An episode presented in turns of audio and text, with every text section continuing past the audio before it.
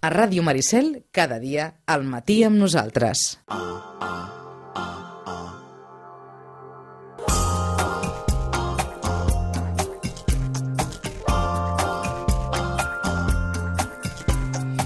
Un suplement que porta a l'interior també les paraules d'un home tan estimat com odiat.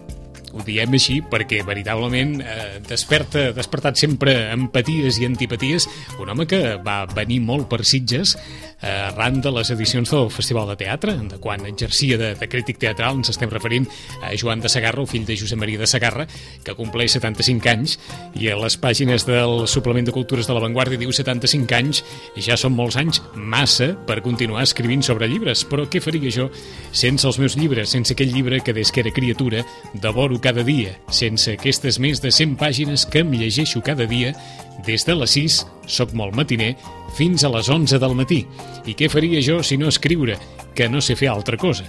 Fa uns dies vaig llegir en aquest diari una columna de Quim Monzó sobre l'anunciat tancament de la llibreria Catalònia. Deia Monzó que el 90% dels llibres que hi ha a les llibreries són porqueria. Si tu ho dius, col·lega, però acaba l'article Joan de Sagarra dient de llibres, bons llibres, no en falten, afortunadament. Jo els devoro com em fumo els meus cigars, per plaer més que per vici, encara que confenso que no podria viure sense ells. Segurament no en la seva literalitat, però bona part d'aquesta sentència de Joan de Sagarra la compartiria Rosana Lluc. Rosana, bon dia i bona hora. Hola, molt bon dia. Agafo part d'aquesta frase de llibres, bons llibres, no en falten, afortunadament. Estàs d'acord? Sí, Sí. totalment d'acord. Jo els devoro, jo els devoro, estàs d'acord? Totalment. No fumes cigars? No. Molt, No, no, no. molt crec que, que Sí, aquesta, aquesta previsió ja se compliria d'entrada i, en aquest cas, confesso que no podria viure sense ells. Sí, També? és veritat. Doncs- Jo tampoc no podria viure sense ells i, i em costa, eh, de pensar que hi ha gent que vulgui viure sense llibres, eh? Mm, Sense la bona, aquesta bona companyia. ah, esclar, eh, el viure, el que es diu viure, suposo que es deu poder viure sense moltes coses, Sí.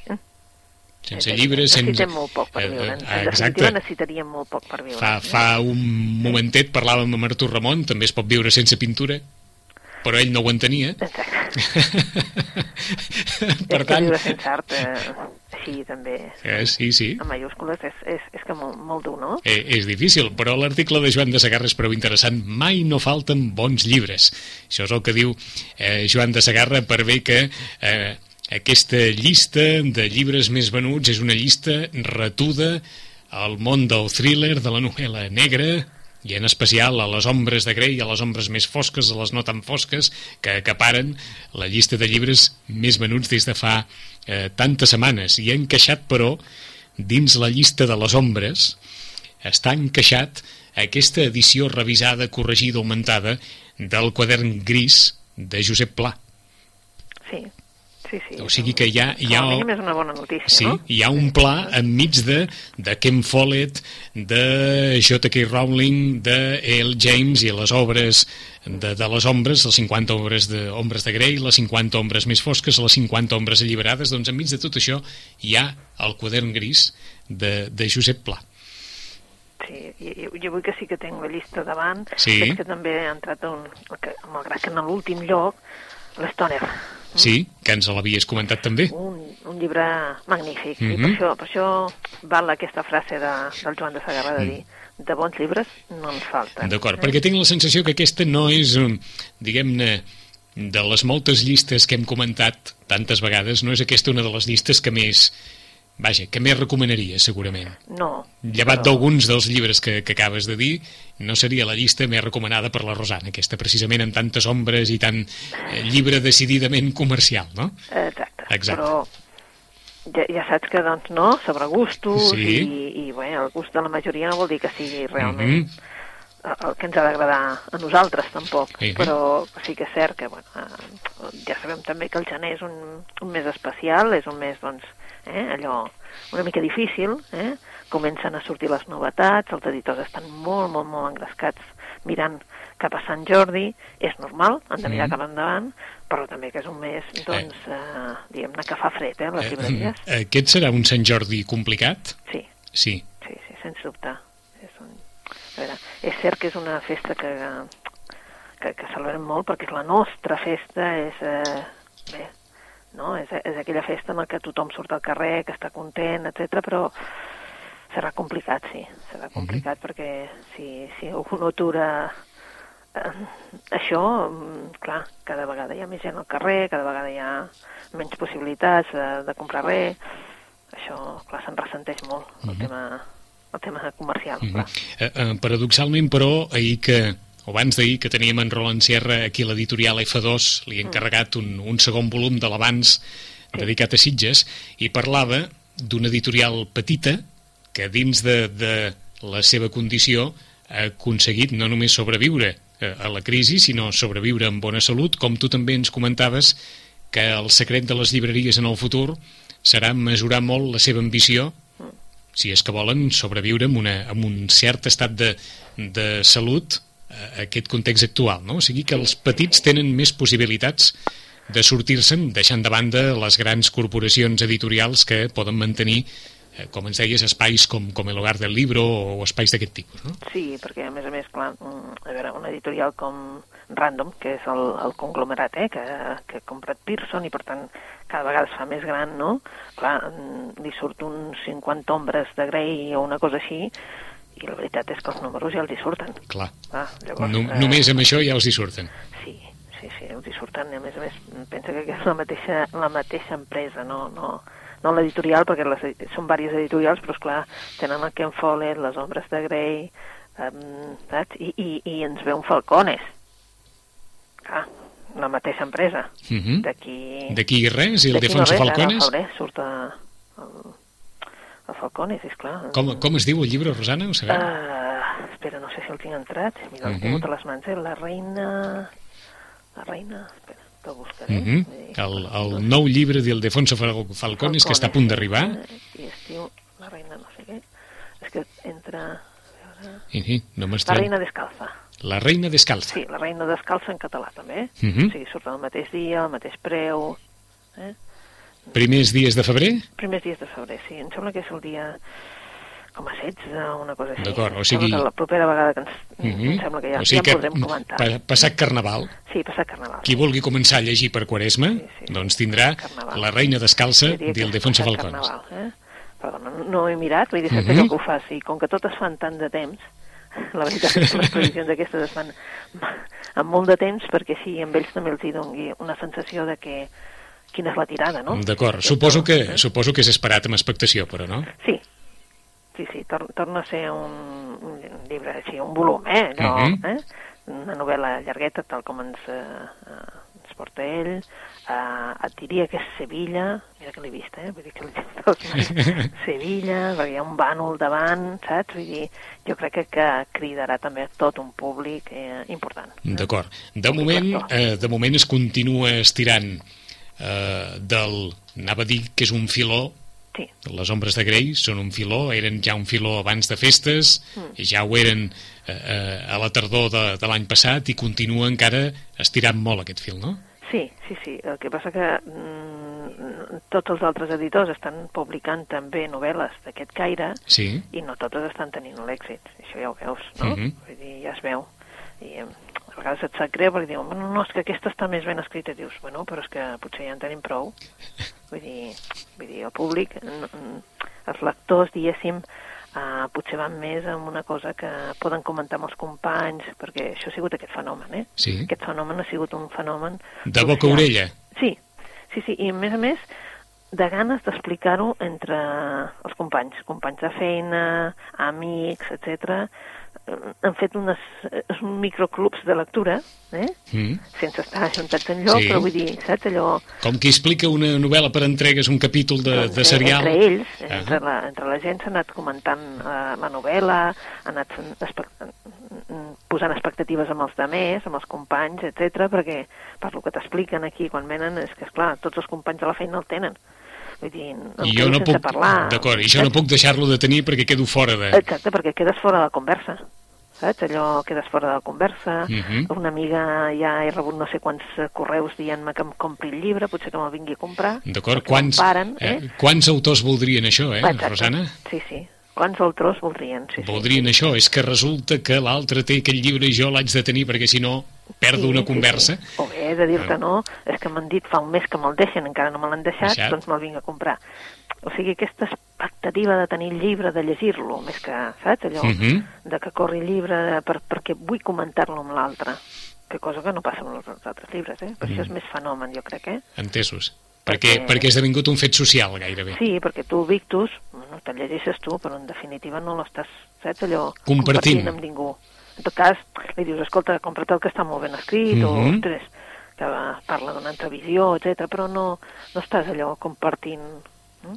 I en canvi, en les 50 ombres, Sí, la gent comparteix maneres de fer, maneres de pensar dels personatges, etc. en català i en castellà, eh? Perquè, En català i en castellà. perquè això ha tingut èxit en, en les dues llengües. Sí, sí, sí, sí, en les dues, sí, sí. Mhm. Bueno, a veure, és evident que en castellà se'n venen més, perquè suposo que un best-seller així, jo sempre dic que els bestsellers es venen més en castellà que en català, els bestsellers. Per alguna raó? Mm, de vegades la traducció és massa complicada, saps? Si són traducció, eh? Si Sí. són traducció, de vegades la, la traducció eh, Hmm. és un vocabulari com a més acurat, massa acurat pel tipus de llibre que és Vaja, perquè ha d'arribar a un públic molt ampli i de vegades doncs, jo trobo que... que és com si diguessis que és millor la traducció que l'original. Mm, saps què passa? Que de vegades no, no estem acostumats a, a segons quines paraules. D'acord, no estem... D'acord, No, no, les hem, sen- no les hem utilitzat Mhm. gaire, no les hem sentides Sí, sí, gaire. no, la- no les tenim tan interioritzades. Exacte. I llavors, clar, eh, amb una novel·la que se suposa que te la llegeixes molt ràpid, el que no t'agrada és aturar-te per pensar-ho. D'acord. Eh? Vull dir, això és el que em comenten el, els lectors. Els eh? lectors. Que hi, ha, que hi ha un vocabulari excessivament complex a vegades? Sí. Vull dir, si no ets eh, d'aquells que llegeixen català, Mhm. malgrat que siguis catalanoparlant, si estàs més acostumat a, A llegir en castellà? Això, a- aquí sí que es nota. Veus, en canvi, en segons quines obres, doncs no, no, clar.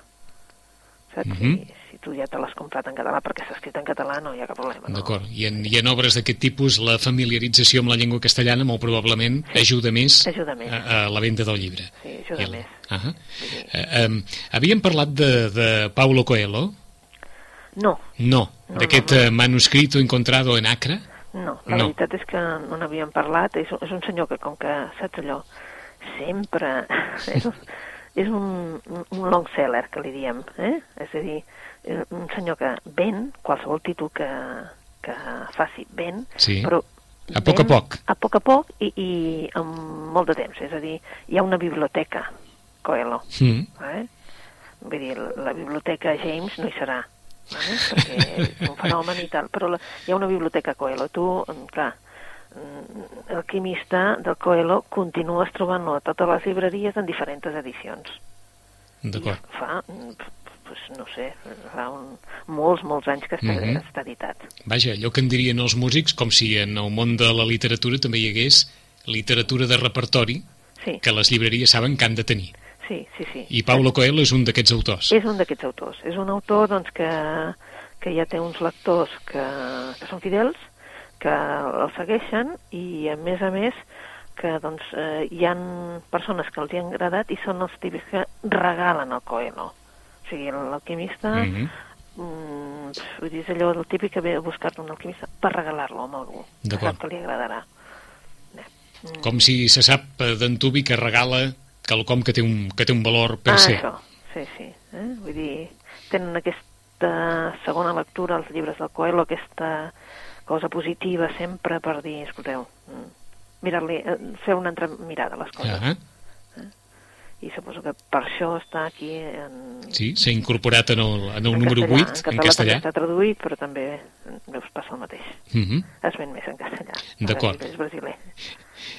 Havíem parlat, no sé si aquí hi ha alguns dels llibres que en en el seu moment, la majoria havien estat eh, motiu de conversa, des de Mission Olvido, Sí. de, de Maria Dueñas, eh, fins a l'últim de, de J.K. Rowling, o no sé si hauríem parlat de llibres o morts, de David de Montserrat i Jaume Clotet. Sí, n'havíem parlat Sí. en el seu moment perquè era com a... No?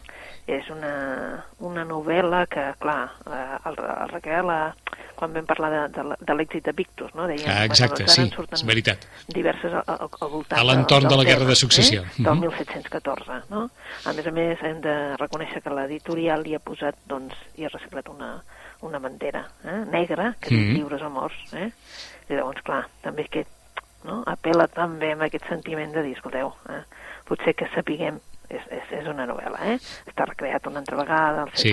i 1714 com a com a, re, com a re, eh? escenari de, de tot plegat. sí, sí. I el que també està funcionant molt bé, i, i vaja, i ja era previsible des d'un primer moment, és l'últim abat de Martí Gironell, Sí, que porta 10 setmanes ja sí. a la llista dels llibres més venuts. És curiós, ja sabeu que el Martí Gironell treu llibre mm, i, i, I pam, i pam, eh? I pam, eh? ho diem Aquest així perquè és que... Sí, que fa llibres, doncs suposo que també sí que és veritat que sempre fa llibres que, que toquen un tema o un... això, i, i, tot, totalment català, veus? Mhm. L'últim abat està traduït al castellà i és evident que tampoc no, no, no funciona el mateix, la veritat.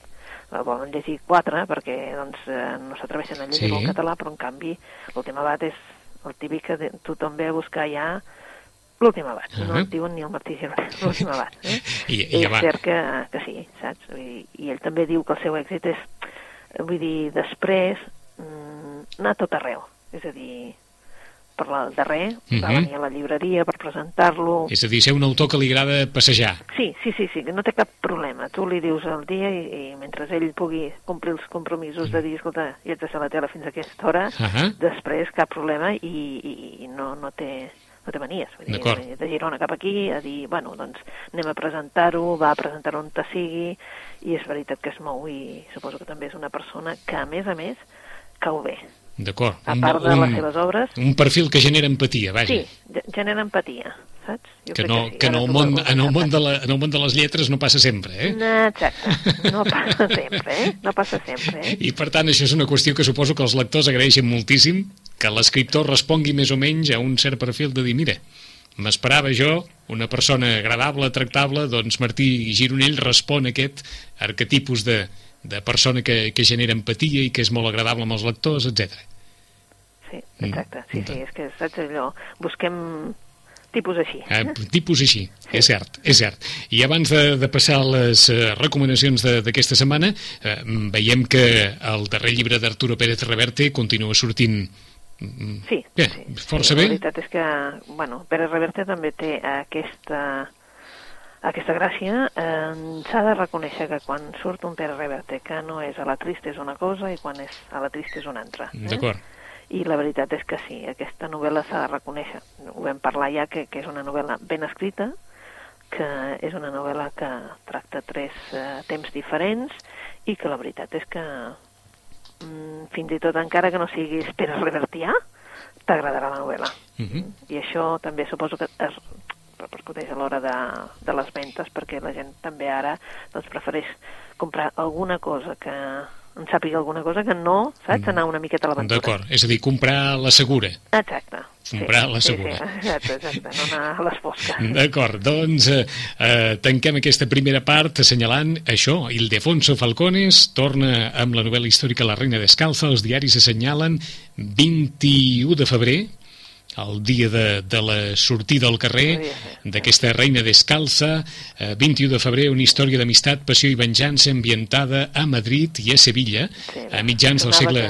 eh? Allò que deies tu del Banu, Sí, a mitjans del segle XVIII, l'obra que es publicarà simultàniament en castellà a l'editorial Grijalbo i en català a Rosa dels Vents uneix dues veus de dona en un cant per la llibertat. Això és el que eh, diuen els llibres, fent referència també, eh, en aquest cas, a les cròniques periodístiques, volem dir, a un argument en què es proposa un viatge per una Espanya tenyida de prejudicis i intolerància parla també al barri de Triana, el señorío de los teatros de Madrid, el contrabando de tabaco, la persecución del pueblo gitano, la fusión de culturas i el nacimiento del preflamenco. Tot això a partir del 21 de febrer, per tant, els qui vulguin seguir a l'home de la catedral del mar, ja ho saben, la reina descalza a partir del 21 de febrer en català i en castellà. Anem a fer un repàs per les recomanacions. Rosana, per on comencem? Doncs no sé si començar... Bueno, suposo que podíem començar per una cosa que no fos novel·la negra, però o potser començar per la novel·la negra donat que... Què vols dir, que, vols dir que, setmana que vols dir que hi ha alguna cosa que no és novel·la negra? Eh, sí, hi ha alguna coseta, Hi ha alguna eh? coseta, hi ha eh? alguna coseta que no és novel·la negra. Però sí que és cert que aquests dies doncs, tothom s'afanya a dir, com a mínim, de dir-ne... Bueno, doncs hi ha una autora que sí que vindrà, que mm, és la Nele Neuhaus, eh? és una autora d'Alemanya i, eh, en definitiva, ve a presentar-nos la segona novel·la que té. Mm, Ella a Alemanya n'ha publicat quatre, eh, és un èxit total, però és una autora alemanya, no és una autora de- del nord. I llavors és una autora que situa les seves novel·les en una zona molt propera a Frankfurt Uh -huh. una zona doncs, boscosa, una zona amb uns uh, arbres imponents, una zona d'aquelles que dius jo la tardor la vull veure aquí, doncs és allà, eh? el Taunus. Eh? I la Nele Neuhaus ara ens presenta Amigos hasta la muerte. En la seva primera novel·la, Blancanieves debe morir, uh, pels lectors que la vulguin conèixer, l'editorial acaba de fer una edició en butxaca, però una mica més gran, perquè és el número 100 de la col·lecció i llavors uh, està al mateix preu, a 10 euros, i, i és una miqueta més gran. I Blancanieves debe morir és una novel·la molt interessant en què coneixem els dos inspectors, l'inspector jefe, que és l'Oliver von Bondenstein, i a la inspectora, que és la Pia Kirchhoff. Que, diguéssim que aquests són els dos diguéssim, personatges que aniran seguint a totes les novel·les, Mhm. no? Són personatges mm, diferents, eh? ell li agrada la lectura, mm, saps, allò li agrada també la natura, però en canvi la que sí que li agrada molt la natura i els animals és la Pia. La Pia és aquella que té uh, una granja, uh, uh, té cavalls, té, saps allò, gossos, animals varios, i llavors, clar, ha de motinar molt més que els altres perquè, clar, primer ha de tenir arreglat la granja i després poder marxar, no? Però, clar, eh, si l'altre dia parlàvem d'un cas d'aquells que eh, que esfereïdors perquè passaven aquí a Barcelona, no? Sí. Perquè mm, ara ens parlen també d'un cas en el que l'inspector Oliver doncs, eh, el fan aixecar de llit, però una mica atabalat, no? Perquè han trobat una mà, una mà, eh, una mà de, humana, diguéssim, en un zoo, al zoo de Kronberg, i la veritat és que resulta que és un professor d'institut, un professor d'institut, d'aquells que els alumnes s'estimen molt, un professor ecologista, eh? Uh -huh. i llavors, clar, és, mm, diguéssim, odiat per una sèrie de gent perquè és una mica molest, no? És la persona doncs, que lluita perquè doncs, que tinguem un món millor, no? I, clar, mm, s'ha de fer una carretera, circunvalació, etc etc. i doncs hi ha un magnat que, evidentment, eh, diguéssim que és un, una persona que, que diguéssim, que aquest, aquest el molesta, no? Uh -huh. sona, sona així d'entrada una, Sí. una mica tòpic aquest argument, eh? Sí, són atòpics. La Però gràcia... la gràcia La gràcia és que tu comences la novel·la i dius, ah, serà aquest, i pam, te'l maten al cap de no res.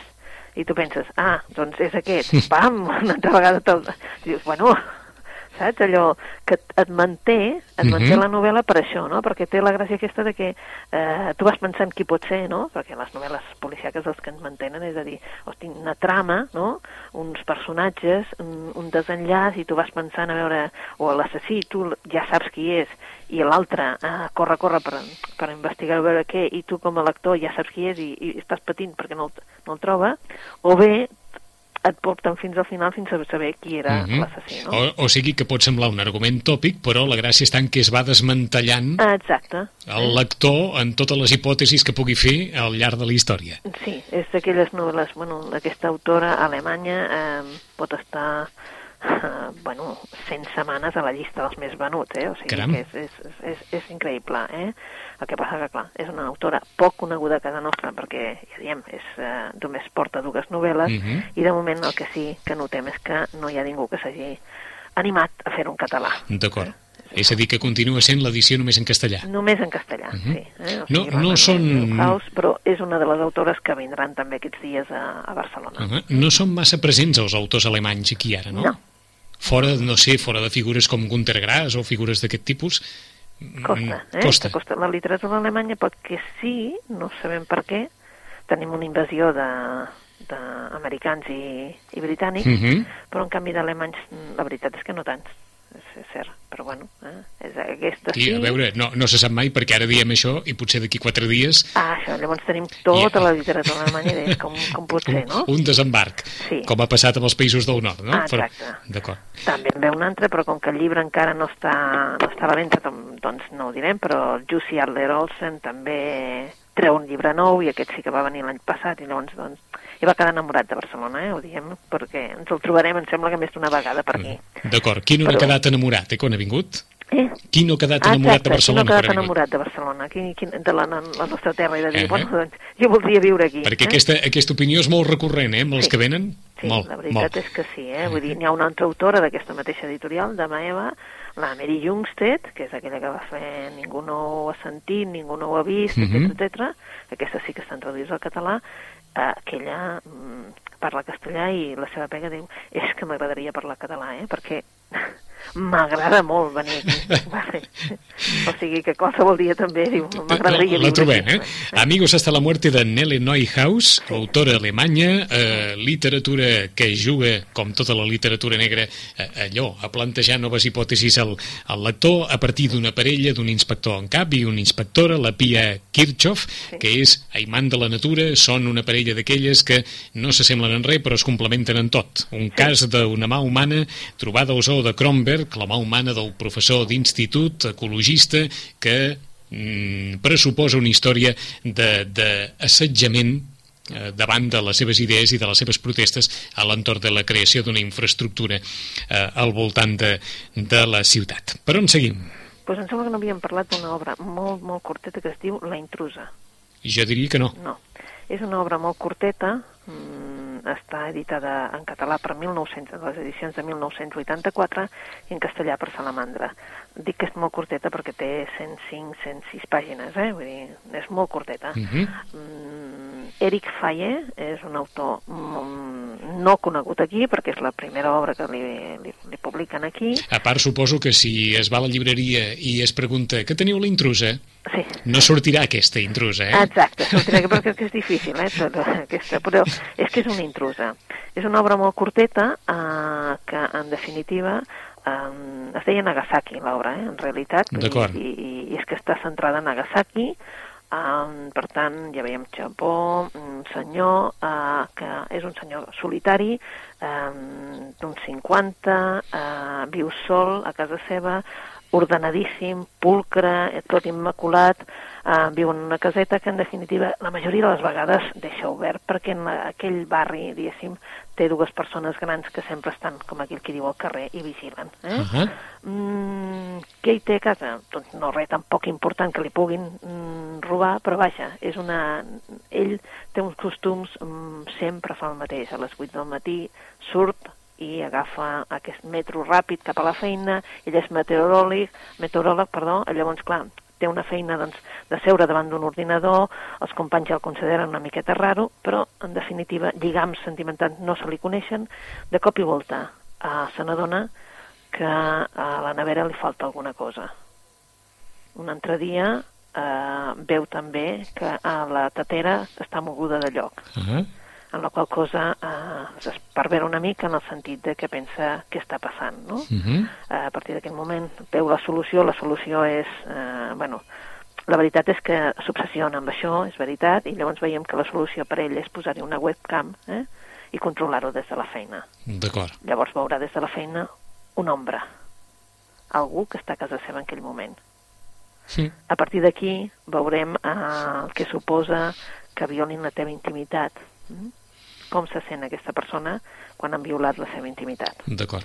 No us podem explicar més perquè és tan curteta que se l'heu de llegir. Home, eh, la- la, la- novel·la, que eh, sí, us haig de dir que quan tu la llegeixes... És que la- ah, l'argument és més captivador que l'anterior, aquest, eh, Rosana? Sí, sí, sí. Bueno, és que la veritat és que no aixeques els ulls, eh? Com se sent un home de vida ordenada, metòdica, Exacte. etc etc, Sí. davant la possibilitat o l'evidència que hi ha un ombra a casa seva A casa i que ell veu des de la distància de la feina sense hem de suposar poder-hi fer res més que contemplar-ho així d'entrada. Exacte, així d'entrada. Mhm. Després, clar... I després passen coses, suposo, esclar. Eh, sí, sí, vull dir, saps? Vull dir, i de com, malgrat que se solucioni, eh, tu ja no seràs mai el mateix. D'acord. Eh? Vull dir, és una cosa, eh, la intrusa és d'aquelles petites novel·les que dius mm, que et deixen petjada. Mhm. eh? És una novel·la per tenir-la en compte. Eh? La intrusa d'Eric Faye, com us dèiem, aquest senyor de vida ordenada i metòdica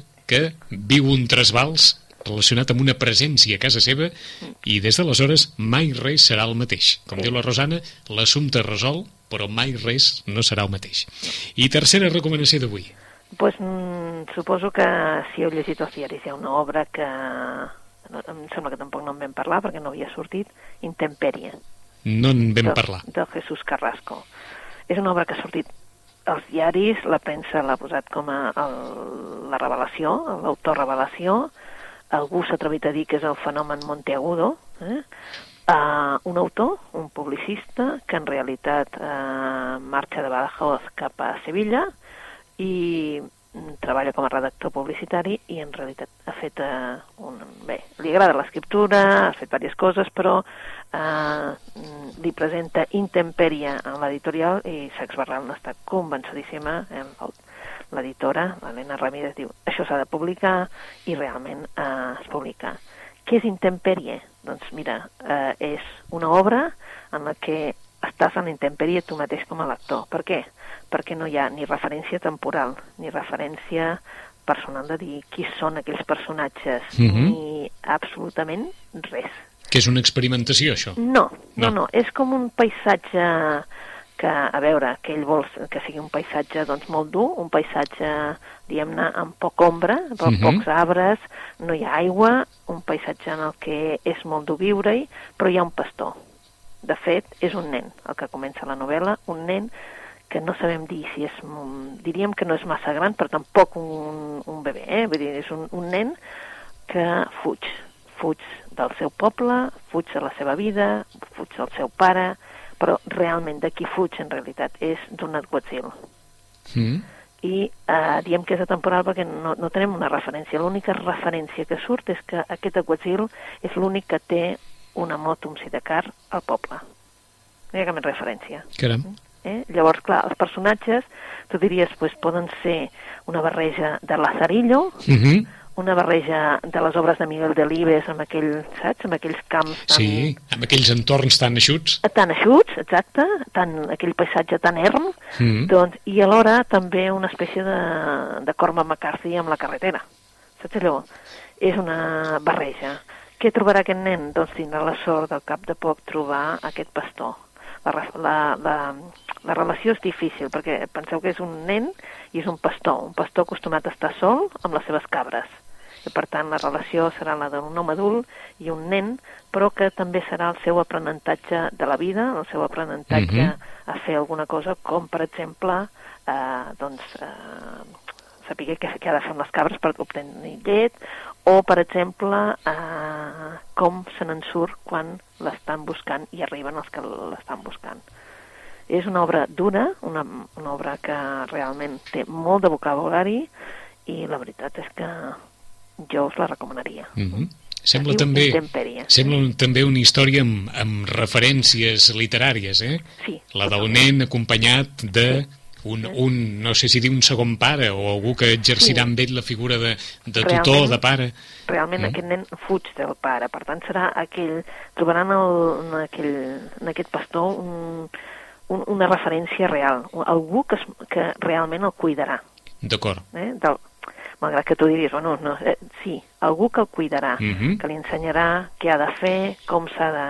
i que li dirà, no, la por no és el que has de tenir eh, en aquesta vida, és a dir, te l'has de treure de sobre si vols eh, tirar. D'acord, i una història que no podem situar en el temps, No. atemporal. No, no, no, no, no hi ha cap referència. No hi ha cap referent. ja Fora de la moto amb el sidecar. Exacte, tret d'això, mm, Ahà. no hi ha dates. D'acord, No doncs- hi ha noms, és com un món tancat, no? Mhm. És un paisatge, no? Modern, ja ho veus, vull dir, Sí, el, sí. El problema és trobar aigua, vull dir, mm, no sé, és com...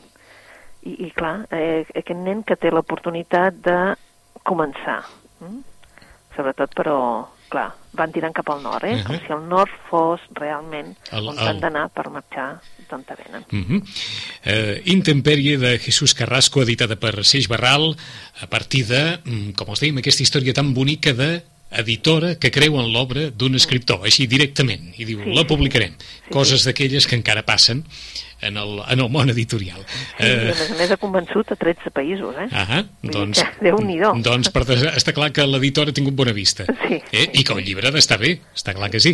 Mm, ens quedem amb aquestes tres recomanacions, Amigos hasta la muerte, de Nele Neuhaus, eh, novel·la negra, amb La intrusa, aquesta interessantíssima història de angoixa personal d'un home de vida tranquil·la i ordenada fins que hi ha alguna cosa que el desordena, La intrusa, d'Eric Faye, i Intempèrie de Jesús Carrasco. En 15 dies, passat Carnaval, tornarem a saludar a la Rosana Lluc, a l'espera ja d'aquest La reina descalza de Ildefonso Falcones.